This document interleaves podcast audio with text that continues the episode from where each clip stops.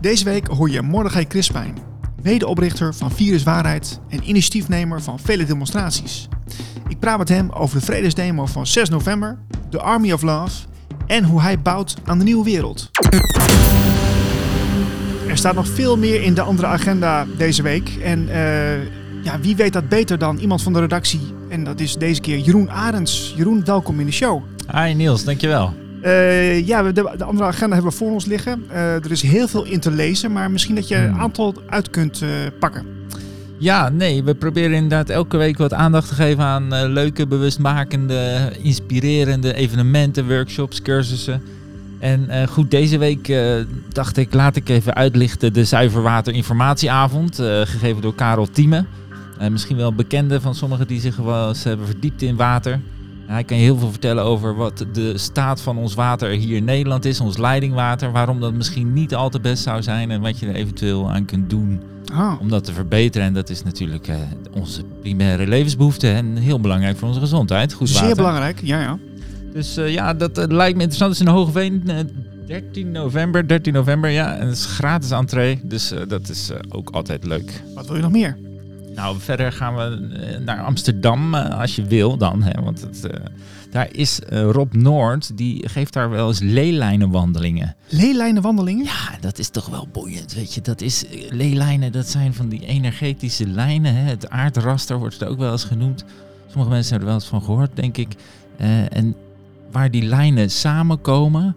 Want het zijn er, uh, de, de crisscrossen over de wereld. Daar vind je altijd van die krachtplekken. Kerken, synagoges, maar ook militaire basissen. En oh, uh, interessant. andere interessante bouwwerken. Ja.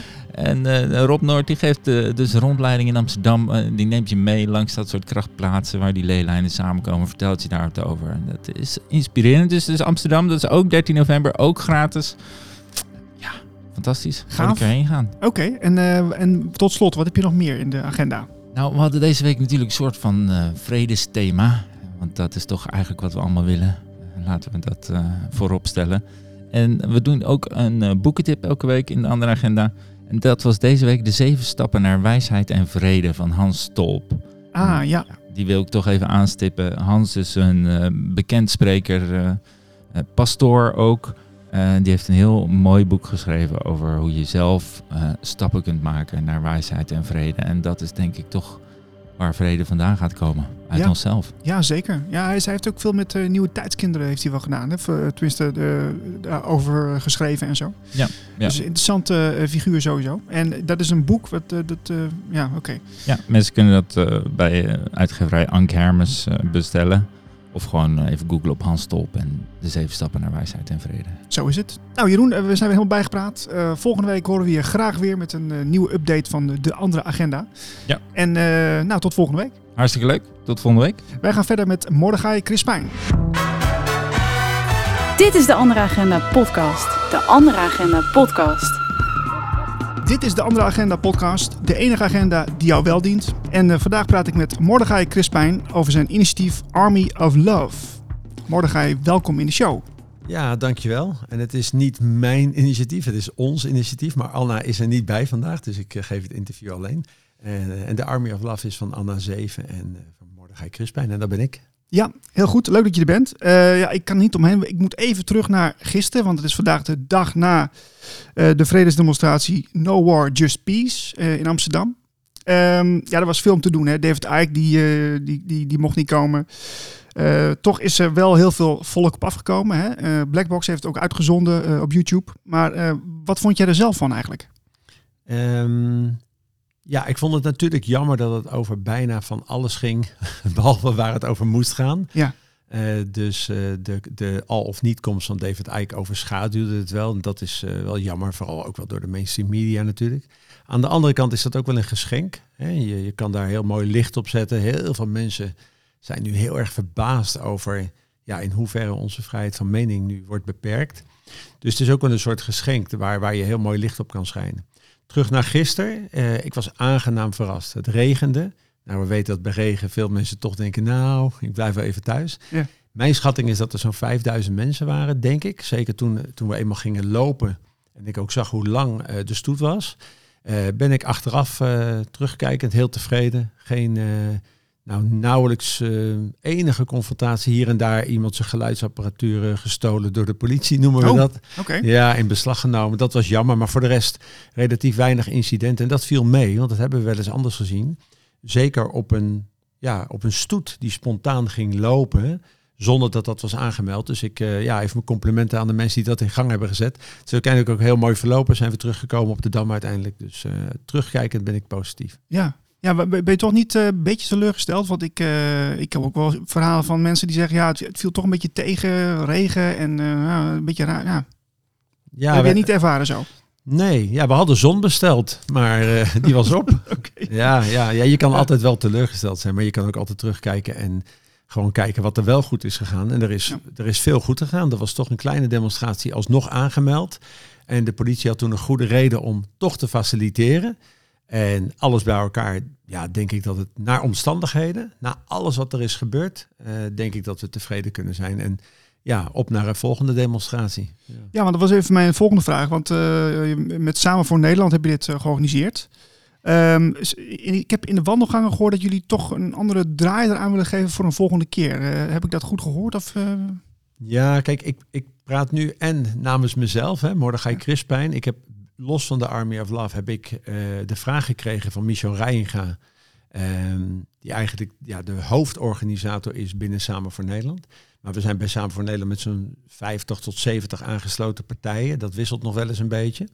Heeft hij mij gevraagd om de demonstratie aan te melden. En dat doe ik dan niet namens Army of Love, maar gewoon op persoonlijke titel. Oké. Ehm, dat heb ik gedaan. Ik heb, me- ik heb de demonstratie aangemeld bij de gemeente Amsterdam. Daardoor was ik ook contactpersoon. Ehm, en ja, vanuit mezelf, wat ik wel merk als ik er naar kijk, dat ik denk van nou, een aantal dingen vragen volgens mij wel om verandering. En een van de dingen die mij opviel, maar dat is helemaal niet de nadelen van de organisatie, dus gewoon terugkijkend, is dat er goed om, om te evalueren. Nou, dat gaan we binnenkort doen. Eh, we komen binnenkort weer met de groepen bij elkaar.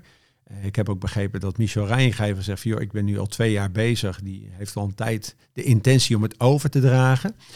Dus, eh, dus er zal waarschijnlijk iets nieuws ontstaan. En eh, of dat dan onder de noemer Samen voor Nederland of iets anders is. Maar er wordt geëvalueerd, zeer binnenkort. En dan kunnen we kijken hoe verder. Maar wat mij betreft vraagt het nu wel om iets anders. En dat, ja, dat komt ook omdat Samen voor Nederland is opgericht echt in coronatijd. Ah ja, dus, dus vanuit, die, vanuit die beweging is dat gekomen, zeg maar. Ja, en het valt natuurlijk allemaal met elkaar samen. Hè? Dus vandaar dat je gewoon met Samen voor Nederland prima zo'n vredesdemonstratie op kan zetten.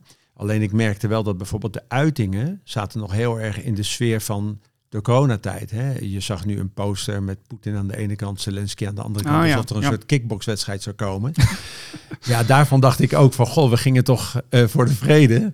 Ehm, alleen, ja, geen probleem. Alleen als je dan gaat evalueren, dan zeg je achteraf, nou, misschien willen we dat anders. Dus ik denk dat het goed is om dat, eh, dat is maar één van de punten om dat in te brengen. En dan, nou, dan evalueer je weer en dan doe je het daarna weer beter. Ja, ik kan me ook zo voorstellen dat, eh, dat Samen voor Nederland, eh, hè, dat, dat is misschien een beetje te, te beperkt om dat, om dat alleen vanuit daar eh, te, te, te doen. Want er zijn vast wel meer groepen in Nederland die zich daarbij willen aansluiten. Ook politiek gezien misschien, mensen die daar niet mee eens zijn, maar die het wel samen met jullie kunnen dragen. Dat zou natuurlijk fantastisch zijn. Ja, ik zie ook wel nieuwe initiatieven gaan ontstaan. Zeker, je merkt nu dat, nou, eigenlijk zijn er al roepen sinds februari. Mensen die roepen, joh, er moet iets gebeuren.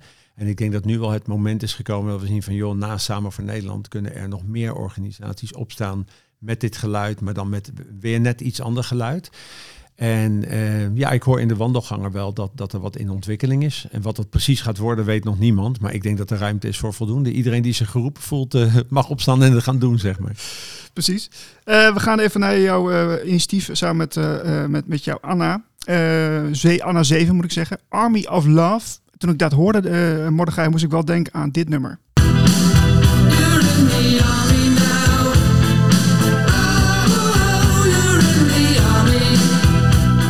Ja, klassiekertje natuurlijk, hè? Status quo. Ehm, maar goed, eh, Army of Love, dat lijkt me toch wel even iets anders dan eh, wat, waar hierover gezongen wordt. Zeker. En eh, mijn lieve Anna zegt altijd, het woord army kan heel veel betekenen, hè? ook het woord leger. En voor haar is het altijd gelinkt aan het woord heerscharen. Oké. En het woord heerscharen wordt ook wel in het geloof gebruikt. En dat is veel meer een groep, een collectief. Dus wij hebben het woord army nooit gezien in de vorm van een strijd. Zeker niet, maar wel veel meer als een groep. tegelijkertijd, eh, als ik er zelf naar kijk vanuit mijn visie, ik ben heel erg de afgelopen 2,5 jaar wel degelijk begonnen met een gevoel van ik moet ergens tegen strijden. En ik heb gemerkt in mezelf dat het heel erg is verschoven naar veel meer het licht laten schijnen op situaties. En dat voelt veel passender dan strijden tegen. Dus ik heb heel erg het idee dat als je strijdt tegen iets, dat je het één bekrachtigt. Want eigenlijk erken je dan datgene waar je tegen strijdt nog veel meer. Want waarom zou je er anders tegen strijden? Dus de tegenstander bekrachtig je, zeg jij eigenlijk? Nou ja, het mooiste voorbeeld was de avondklok. Daar heb ik dat echt heel sterk gevoeld. Dat, ja, je, je, je, gaat de strijd aan tegen de, tegen de regering met betrekking tot de avondklok. Die zaak die wordt gewonnen. Hè, dat was eigenlijk de, een van de, de enige, eh, bijna na, er zijn meer zaken gewonnen, maar een van de weinigen die echt werd gewonnen. En vervolgens uh, wordt er gewoon ter plekke gezegd, we staken het even een week. De avondklok blijft. En dat, dat kon helemaal niet. Dat was nog nooit vertoond in Nederland. En een week later was de wet aangepast. Ja, ja, ja, ja. Dus wat je nu merkt, je ziet continu eenzelfde patroon. Je staat tegen iets op, je laat je licht erop schijnen met zo'n rechtszaak. Als ze verliezen, passen ze de wet aan. Als ze winnen, gaat er gewoon door. Nou, waarom winnen ze meestal? Omdat de gemiddelde rechter, zeker vaak omdat het via kort gedingen gaat, waar maar heel weinig tijd is, ja, zo'n rechter durft helemaal dat risico niet te nemen door ja, een viruswaarheid als voorbeeld Mhm. in het gelijk te stellen. Ik stond namens Samen voor Nederland afgelopen week voor de rechter en dan voel je al helemaal aan zo'n rechter dat hij eigenlijk niet goed kan verklaren waarom jij niet in het gelijk wordt gesteld. Want er zijn bijna geen argumenten voor. Maar je ziet gewoon dat hij niet in het voordeel van Samen voor Nederland durft te beslissen. Omdat hij denkt, ja, stel dat ik dat doe, wat zijn dan de consequenties? Nou, dit is toch heel, heel ernstig wat je nou zegt. Dit is letterlijk gezegd door een politicus, ik weet niet meer de naam, eh, maar dit is letterlijk gezegd in een commissie in de Kamer. Daar werd de vraag gesteld van ja, maar wat dan als ze naar de rechter stappen? Dat ze ja, maar de gemiddelde rechter die zal zo'n besluit nooit nemen in ons nadeel, omdat die rechter kan nooit over alle inhoudelijke kennis beschikken binnen een kort geding, om dan een beslissing te nemen in voordeel van zijn tegenpartij. Dus eigenlijk gaan ze er al van uit dat de meeste rechtszaken, zeker met betrekking tot voorlopige voorzieningen, in het voordeel van de staat uitvallen. Is letterlijk gezegd. Jongen, jongen, jongen. Oké. Ik wil even terug naar die, de, de, die demonstraties. Hè, want jij bent daar vaak aanwezig, bijna altijd. En, en je hebt ook heel veel mensen die zitten wel in een strijd. Hè? Die, zitten, die, die komen daar wel en die, die hebben borden mee. Die, die kijken ook een beetje boos uit hun ogen. En, eh, en daar staat Mordechai Kriespijn staat er ook bij. Dus ik ben heel benieuwd, hoe, hoe ga je daarmee om? Want, want jij zegt, ja, eh, het is, het is maar net hoe je het bekijkt hè, eigenlijk. Eh, is het de strijd of niet? Ehm, ja, ik heb het ook gezien als strijd. Helemaal in het begin dan stapte ik ook op van strijden, strijden. En uiteindelijk merkte ik van ja, ten eerste in deze strijd op de manier zoals ze het deden, eh, kan je dat nooit winnen. Want het geweldsmonopolie ligt bij de staat. Ze hebben onbeperkte middelen. Eh, ze hebben oneindig veel geld. Ons geld, ons belastinggeld. Dat is ook wel de contradictie daarin. Maar vooral in mijn innerlijke wereld merkte ik dat dat op een gegeven moment niet meer klopte. Dat strijden tegen. En ik merkte ook dat het uiteindelijk alleen maar de, de, de verschillen groter maakte. En de Mhm. polariteit alleen versterkte. En toen dacht ik, ja, hoe dan?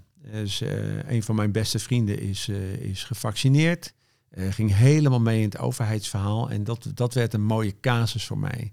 Hoe kan ik toch, want ik hou van hem, eh, echt eh, een van mijn allerbeste vrienden. Ik dacht van, hoe blijven wij nou in verbinding met elkaar? Ondanks deze enorme verschillen van mening. Eigenlijk misschien wel een van de- ook de vraagstukken die je bij Army of Love zou hebben, denk ik, of niet? Nou, bij Army of Love merkte ik heel erg dat dat Army, als je dat al als leger wil zien, wij zien het meer als een groep. Het is eigenlijk van Army of Love, ook wel van Army to Love. Ah, ja, ja, ja. Het beweegt van strijd naar liefde. En ik denk dat we daar allemaal in zitten. Eh, nou, ik heb geen vriend of vriendin verloren in deze, in deze tijd. En dat komt echt wel door gewoon het respectvol met elkaar oneens te zijn. En ook gewoon te kunnen zeggen, oké, we komen hier niet uit. Jij vindt dit en ik vind dat. Prima, weet je wel. En we houden elkaars hand wel vast. Maar waar- waarom is het voor veel mensen dan toch moeilijk? Ik denk dat het heel erg te maken heeft met, eh, met pijn, met persoonlijke pijn. Ik had gisteren een, eh, een dame in mijn armen op, eh, op, het, op de Dam, die ook naar mij toe kwam. En dat was echt wel een schijnend verhaal van pijn. Haar zoon werd gearresteerd, zij is gearresteerd, de kleinkinderen stonden erbij. Heel veel pijn. Dus ik zag ook echt de pijn in haar ogen. En ja, dan, dan kan ik alleen maar liefde voelen. Dat ik denk van jeetje, weet je, en begrip. En ik snap helemaal dat zo iemand daar staat met strijdgevoelens en pijn. Dat als ze een agent ziet, dat al die herinneringen van de arrestatie omhoog komen. Het is super pijnlijk. Maar ik heb ontzettend veel bewondering en begrip dat iemand daar toch gaat staan tussen al die agenten in. Want er zit gewoon echt pijn en trauma op. En het enige wat ik zeg van, weet je, hoe moeilijk ook, vooral voor je kleinkinderen, aan wie we deze wereld gaan overlaten, blijf in liefde. Blijf in liefde, hoe moeilijk ook. En, uh, en dan zie je toch heel even in dat moment een klein smeltmoment van ja, we weten het allemaal. Ja, precies, je? Maar het helpt wel als iemand het af en toe tegen je zegt. We moeten het ook naar elkaar benoemen, denk ik. Blijven benoemen. Ja, blijven benoemen. Blijven benoemen, ja. Dat denk ik wel. Eh, de Army of Love, wat, wat, wat doen jullie precies? Um, we doen heel veel. En wat we vooral, uh, waar we vooral op focussen, is mensen een handreiking bieden. Om in deze tijd van grote transformatie um, een helpende hand te bieden door middel van webinars, lezingen, bijeenkomsten. En omdat die tijd van transformatie heel veel gebieden beslaat. Uh, vooral ook het gebied van bewustwording. Ik zeg altijd, het is geen. Ik hoorde dat laatst een keer, dus hij is niet van mezelf. Hè, maar dit is geen revolutie uh, rondom corona of strijd ervoor. Het is een revolutie van het bewustzijn. En eigenlijk het innerlijke werk. Absoluut. Ja, een revolutie van het hart. Hè, dat mensen weer verbonden raken met hun hart en echt zelf gaan voelen van. Wat ik zeg ook altijd vanuit mijn dansachtergrond. Er zijn helemaal geen leiders en volgers. Jij bent de enige die leiding kan nemen over zichzelf. En ja, er zijn initiatiefnemers. Er zijn mensen die meedoen met het initiatief. Maar er zijn geen leiders. We zijn allemaal leiders, vooral over onszelf. Ja, dus, dus de uitdaging ligt om, die, om dat leiderschap in jezelf weer op te pakken. Absoluut, absoluut. Dus het is niet de bedoeling dat, dat iemand mij als leider ziet. Ik ben jouw leider niet het is niet de bedoeling dat ik ga roepen spring en dat de rest vraagt hoe hoog. nee. Nee, maar goed, je, je hebt wel, wel, een voortrekkersrol hè, in, in deze periode. Je, je bent op zich, een, in, in, twee jaar ben je best wel een bekend iemand geworden in, uh, in deze scene, om het zo maar te zeggen. Uh, ik ken ook wel heel veel mensen die jou nog niet kennen trouwens. Hoor. Maar Goed teken trouwens. Maar, dus, maar toch uh, zijn er toch heel veel mensen die, die kijken wel naar jou. Ja, zeker. En dat mag ook. maar wat, wat, wat doet het met jou eigenlijk? Nou ja, dat is wel grappig. Ehm, ik geloof, en daar hadden we het voor dit gesprek al even over, dat als je nu kijkt naar je eigen leven, en dat is ook voor iedere luisteraar zo, als je kijkt naar je eigen leven, dan zou het helemaal niet zo gek zijn dat het punt waarop jij nu bent, lijkt wel een soort opleiding wat je vooraf hebt gekregen om tot dit punt te komen. Dus alles wat jij nu aan het doen bent, deze podcast, heeft ergens een draadje naar een verleden toen dit nog niet was begonnen.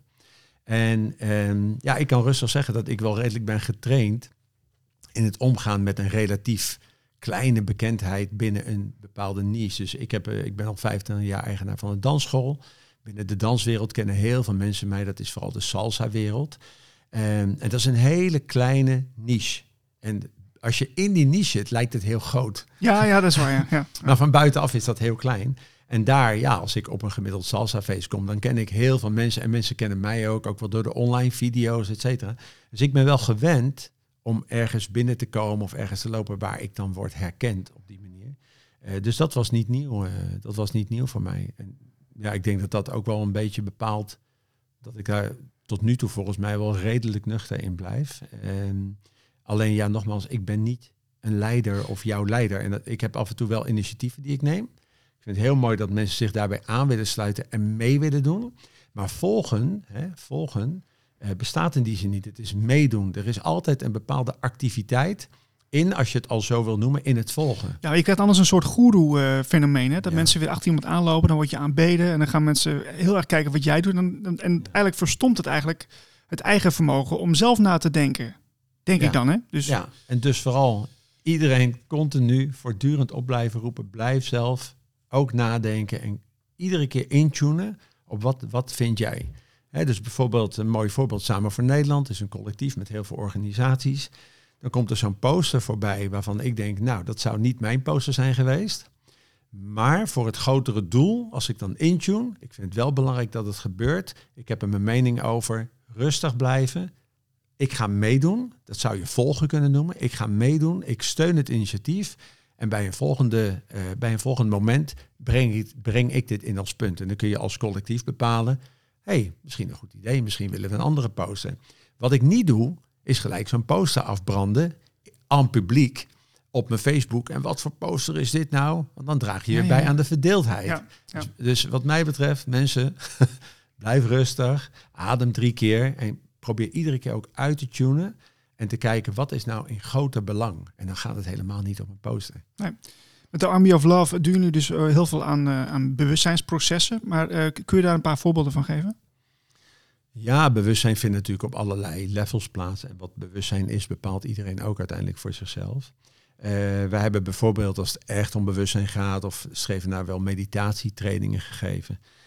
We gaan nu door een proces ehm, waarbij we mensen helpen om diegenen die dat willen, om de winter door te brengen zonder verwarming of met veel minder verwarming. Eén, omdat het kosten bespaart voor mensen, maar twee, ook omdat het heel gezond blijkt om bijvoorbeeld koud te douchen. Oh ja, Eh, tuurlijk. koude ja. therapieën, eh, Wim Hof ademhaling, et cetera. Eh, nou, Anna weet daar vrij veel van. Ik inmiddels ook. Dus wij helpen mensen daarmee. En dan geven we één keer in de twee, drie weken hebben we een online webinar. Komen we bij elkaar. Mensen delen daar ervaringen. Superleuk. Ook goede tips. Van, goh, wat gebruik jij nu? En wat doe jij nu? Hoe kom jij er doorheen? Heel praktisch dus eigenlijk. Super praktisch. En, eh, en ik weet gewoon dat als je dat pad van ademhaling volgt, eh, Wim Hof, koude therapie, ja, dat, dat helpt ook wel bij meer bewustwording van, hé, hey, wat is er nog meer in het leven dan alleen maar je centrale verwarming aanzetten op 20 graden. Ja, Ja, maar ook, ook workshops eh, zag ik op jullie, jullie site, hè? Ja eh, we geven workshops. We hadden pas geleden eh, in september de onafhankelijkheidsdagen. Echt een dag met live sprekers. Nou, echt die line-up was echt bizar. Oh, eh, vertel eens.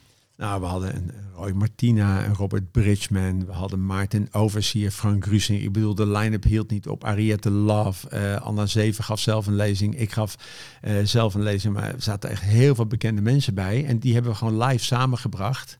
Ja, en dat vind ik eigenlijk nog wel mooier dan online. Ja, Ja, ik wil zeggen, dat, dat is toch veel sterker en krachtiger als je inderdaad eh, samenkomt op een plek. Hè? Dan eh, voel je de energie. En eh, ja, dus dat is jullie- ook jullie voorkeur inderdaad. Ja. absoluut. Wat we wel hebben gedaan, eh, dankzij wat eh, lieve cameramensen, alles is gefilmd. Dus het staat ook in onze community. We hebben een eigen online community waar al die trainingen, workshops, webinars, et cetera, worden opgeslagen. Dus mensen kunnen dat wel terugzien. Alleen je merkt wel als je bij elkaar bent. Ja, dat is zoveel krachtiger dan, dan online. Gewoon even mensen voelen, in de ogen kijken. Mooi. Precies. Is dat iets wat we een beetje verleerd zijn, denk je? Na 2,5 jaar corona zijn we er wel heel erg aan gewend geraakt. Ah, ik. daarvoor? Ehm, nou, ik denk dat het daarvoor wel. ehm, ja, we zaten in een ontwikkeling. Maar corona heeft het wel in een, in een versnelling gebracht. Waardoor heel veel mensen zoveel online zijn gaan zitten. Dat ik bijna merk aan mensen, vaak, dat ze eh, nu denken: Nou, doe maar gewoon online. Mensen vinden wel heel waar? Oh, dat is toch. Ja, dat is ja. wel heel raar, toch? Ja, dus ik kies er nog steeds voor om liever gewoon even met iemand eh, een bak koffie te gaan drinken of bij elkaar te komen. Of bijvoorbeeld hier in, bij, jullie in de studio te komen. Dat zijn allemaal ervaringen. Ja, dat vind ik veel fijner. Alleen dat is voor ieder ja, aan zichzelf. Ja. Ja, oké. Ehm, oh, je hebt, je hebt ook, ook een community, hè, zei je? Ja, een online eh, community hebben. Dus Ja. wat we hebben gedaan, dat zit in een, eh, in een online programma, wat ook door meerdere eh, organisaties wordt gebruikt. Er zit ook een mobiele app bij. En dat is eigenlijk gewoon ontstaan omdat wij, wij begonnen in feite na het opbouwen. Kijk, Anna Zeven en ik ehm, zijn eigenlijk bij elkaar gekomen in, in de tijd dat viruswaarheid net ontstond. En ehm, ik ken Willem Engel uit de danswereld. Al 25 jaar. Dat is wel een mooi verhaal. Hè? Toen, toen corona net begon, toen, eh, toen was hij heel boos op mij dat ik mijn dansschool niet Ja, dat wilde. vertelde je. Dat is ook wel heel, heel Ja. apart, ja. ja. Ja, dus Willem was heel boos op mij dat ik mijn dansschool niet wilde sluiten. En daar moeten we nu wel om lachen. Willem boos dat ik mijn dansschool niet wilde sluiten. Omdat, ja, ook hij dacht gewoon, er komt, er komt iets aan waarvan we niet weten wat het is. En ik weet dan wel dat toen ik dan eindelijk meedeed, want hij was al dicht. Eh, toen meldde ik hem, nou oké, ik, ik heb mijn dansschool nu ook dicht gedaan. En eh, dat was allemaal rond die 16 maart lockdown. En eh, toen zei hij gefeliciteerd. Nu mag je me meehelpen om ook de anderen te overtuigen dat ze dicht moeten. Ja, dat is wel echt schitterend. Ik, ik ga dat nog een keer in een boek verwerken. Ik wil zeggen, dat is wel iets voor een boek of zo, om vast Ja. te leggen, ja. Ja, dat is wel heel mooi. Maar het spreekt ook wel boekdelen voor hem dan. Dat hij inderdaad na ongeveer een maand zei van... joh, ik ben erin gedoken, er klopt een en ander niet. Hij heeft mij meegenomen in dat hele proces van de ontdekkingen. En ik kon daar eh, niet veel van, eh, van maken, want allemaal heel wetenschappelijk waar hij mee kwam. Want hij heeft natuurlijk die, die wetenschappelijke achtergrond. En een- ongeveer een maand later zei hij, doe je mee, we gaan de staat aanklagen. Ja, het is eh, 360 graden weer terug eigenlijk. Ja, Dus, eh, En, en, en ja, het- als je nou eens kijkt wat, wat voor processen we doorgaan. Dus eigenlijk is dat eh, ongekend. Hè? want kijk, wij begonnen dus met, met viruswaarheid. Eh, daarna werd Anna uitgenodigd om het politieke avontuur aan te gaan. Ja. Met Vrij en Sociaal Nederland. Kijken of we vanuit de binnenkant iets konden veranderen. Samen voor Nederland, of eh, Vrij en Sociaal Nederland, VSN. Ja, dat redde het niet. Er kwamen op een gegeven moment verschillen in. Toen is dat opgesplitst. Toen kwam lijst 30. Dat is 30 jaar. Ja. Lijst 30. Nou, lijst 30 is uiteindelijk, heeft geen zetels gehaald. Daaruit is een Hart voor Vrijheid voortgekomen. Eh, die groep is nu nog steeds eh, bezig. En vanaf dat moment hebben Anna en ik gezegd van nou, wij voelen die politieke weg niet meer. Eh, we hebben ons best gedaan. Kijken of we van binnenuit iets konden veranderen. Geen zetels, we gaan iets anders doen. En zo kwam de Army of Love. Dus we deden in het begin heel veel gewoon losse dingen. Totdat uiteindelijk, uiteindelijk heel duidelijk werd waar, waar de kracht lag. En dat is gewoon mensen bij elkaar brengen met heel veel kennis en informatie, die kennis laten delen op ja, verschillende gebieden. En zo is die online community ontstaan. Zoeken jullie nog eh, vrijwilligers of andere mensen die jullie kunnen versterken? Altijd. En hoe, Ja. hoe kunnen ze dan eh, bij jullie aanmelden? Ze kunnen een mailtje sturen naar info@armyoflove.nl en we hebben echt mensen nodig. Want je merkt wel dat eh, bijvoorbeeld alleen nog het beantwoorden van e-mails, het, het runnen van zo'n online community, ja, er komt best wel veel bij kijken. Dus we hebben nu een heel klein groepje vrijwilligers, maar ja, er zijn er meer, meer zijn zeker welkom. Ik, eh, ik zie jullie deze week in de andere krant en er staat eh, als eh, titel Army of Love bouwt aan de nieuwe wereld. Ja. Dan ben ik wel heel benieuwd, Mordechai. je bent toch een beetje een visionair, zou je kunnen zeggen. Wat, hoe ziet de nieuwe wereld eruit? Ja, het interessante is natuurlijk dat als je kijkt naar alles wat er gebeurt, is dat dat zoveel vlakken belicht dat het onderwijs. Het, nou, we hebben dus best wel veel webinars met mensen aan het woord die een heel mooi beeld hebben over hoe kan onderwijs nu worden veranderd. Je merkt dat het onderwijs is echt wel een soort standaard pakketje eh, van kinderen die in een klas gaan zitten, vaak met 30 bij elkaar. En als een kind denkt, ik snap er helemaal niets van of dit past niet bij mij, dan ligt het aan het kind. Nou, dat is heel vreemd. Want een kind is eigenlijk hartstikke puur en eh, staat open voor alles. Maar de methodiek die wij voorschotelen past gewoon simpelweg niet bij ieder mens. Of een kind in dit geval. Nou, dan kijk je naar economie. Je kan kijken naar gezondheid. Dus het behelst zoveel vlakken. Dat als we kijken naar een nieuwe wereld, ja, denk ik één, dat als we gaan bouwen aan een nieuwe wereld vanuit het huidige bewustzijn, dat ik denk dat daar vooral die revolutie voor nodig is, naar een ander bewustzijn te gaan. Ik geloof wel trouwens in systemen. Ik denk als we naar het huidige bewustzijn kijken van de mens. Sommige mensen denken we hebben helemaal niks meer nodig, geen systemen. Nou, dan zou ik je heel veel succes willen wensen. Want ik denk dat we echt met z'n allen wel iets moeten organiseren om het goed te laten gaan. Ja, misschien wel systemen die we nog niet kunnen bedenken. Misschien dat die er in de toekomst Zeker. kunnen zijn. Zeker, zeker. En, en wat je merkt is dat na al die technologie kan je heel mooi toepassen. En je kan het ook voor eh, ja, controle en, eh, en dominantie inzetten. En ik denk dat als je zegt van hoe zie je die nieuwe wereld? Ja, ik, ik denk wel dat, eh, dat we de komende jaren, en daar zijn we nu, we zitten midden in die transformatie. Ik denk dat eh, dit, dit stukje van het tijdperk voorbij gaat. En dat we allemaal vol schaamte terug zullen kijken naar alle maatregelen die zijn genomen en waar we toe zijn gekomen. Ik denk dat we daar lering uit kunnen trekken. En dat er dan, wat jij zegt, of hele nieuwe revolutionaire ideeën ontstaan. Of datgene dat we echt nog best wel veel kunnen gebruiken van wat er was, maar dat op een betere manier in kunnen zetten. Ja, want, want eh, een revolutie is altijd binnen het systeem. Dus dan zou dit een soort evolutie moeten zijn. Ik denk beide. Beide. Ja, Ja, ik denk een revolutie van het huidige systeem en een evolutie naar een nieuw systeem. ja, ja, ja, ja, ja, ja, ja. Daar geloof ik heel sterk in. Gaaf. Ehm, wat, wat kunnen wij. Heb je, heb je ook binnenkort nog events staan eh, die we even kunnen pluggen eh, voor de komende maanden, dit jaar nog misschien? Eh, ik heb volgende week een gesprek met iemand die in Afrika woont en een eh, heel mooi concept heeft voor een nieuw economisch stelsel, eigenlijk een nieuwe munt. Ubuntu? Is dat. Is dat eh, Nee. oh, Oké. Nou ja. Nee, dit is een jongen die het helemaal op de achtergrond heeft, eh, heeft opgebouwd. En die, eh, die haal ik in een webinar, bieden gewoon gratis aan, gewoon om zijn ideeën aan te horen van goh. En, en ik weet wel dat andere mensen met een economische achtergrond ook wel naar hem kijken en zeggen, ja, maar dat klopt niet en dat klopt niet en dat. Maar dat is fantastisch. Weet je, iemand lanceert een project, vervolgens kan de rest daar gewoon feedback op geven. En met zo'n feedback systeem zie je dan, dat leidt altijd wel weer tot vernieuwing. Dus ik ben heel benieuwd, dus dat komt er binnenkort aan. We zijn nu nog steeds bezig met de Koude Challenge, hè, om te kijken of we mensen helemaal tot en met maart eh, kunnen helpen om zonder die verwarming de winter door te gaan. Gewoon koud douchen. en Ja, maar doe je dat dan zelf ook of niet? Ja, absoluut. Ja, ja. Echt ik, waar? Ja, ik ben begonnen een paar maanden geleden. Dat ik merkte dat ik ging eerst koud en dan, of eerst warm en dan koud afdouchen. En toen dacht ik, nou, volgens mij is het gewoon beter voor, voor je immuunsysteem. Gewoon, dat werd ook steeds beweerd, volledig koud. Dus wat ik nu doe, volledig koud, vol eronder, 12 hele diepe rustige ademhaling. Dat is ook gewoon om in ieder geval genoeg tijd door te brengen. Dan weet ik gewoon, oké, rustig ademhalen, 12 keer. Dan ga ik naar warm. Dat voelt wel toch dat ik dan schoner word op de een of andere manier warm water. Dan doe ik even zeepen. En dan douche ik weer koud af. Dus eh, ik sta ongeveer 1, 2 minuten max onder de warme douche en de rest is koud. Ehm, ja, en ja, dat is wel een boost als je dat nooit hebt gedaan. Nu ben ik eraan gewend, maar in het begin ben je echt totally charged. Echt Ja, dat geloof de ik dag. wel, ja. Maar me- merk je dan ook de, de, de rest van de dag dat je op een of andere manier eh, fitter bent of zo? Of... Nou, in ieder geval de start van de dag begint echt supercharged. Eh ik merk wel dat eh, dan eet ik meestal ook eh, niet direct. Meestal wacht ik tot een uur of 1, 2. Soms als ik honger heb, eet ik wel wat eerder. Ik merk zodra ik heb gegeten in de middag, 1, 2 uur. Als ik niet te zwaar eet, valt het mee. Maar als je wat zwaarder eet, dan merk ik dat dan vaak wel even een soort dipje komt. Je voelt direct het effect op je lichaam door het eten.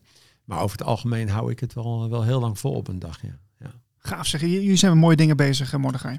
ja dankjewel. Ja, we doen ons best. Ja. Eh, meer informatie is te zien op eh, armyoflove.nl, neem ik aan. Ja, absoluut. www.armyoflove.nl En eh, nou, dan kan, dan kan iedereen alles vinden waar we het nu over hebben gehad. Ja, Zo is het. Mordechai, dank voor je tijd en heel veel succes. ja graag gedaan. Dankjewel. De Andere Agenda podcast. We gaan het zelf doen. We gaan het lekker zelf doen.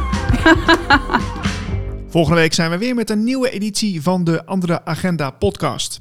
En wil je nou ook in de krant met aandacht voor jouw workshop, lezing of initiatief? Meld je dan aan via agenda.deanderekrant.nl en volg ons ook op Twitter, Instagram en Facebook. Tot volgende week. Wil je meer van de andere krant? Kijk op anderekrant.nl. Kijk op deanderekrant.nl.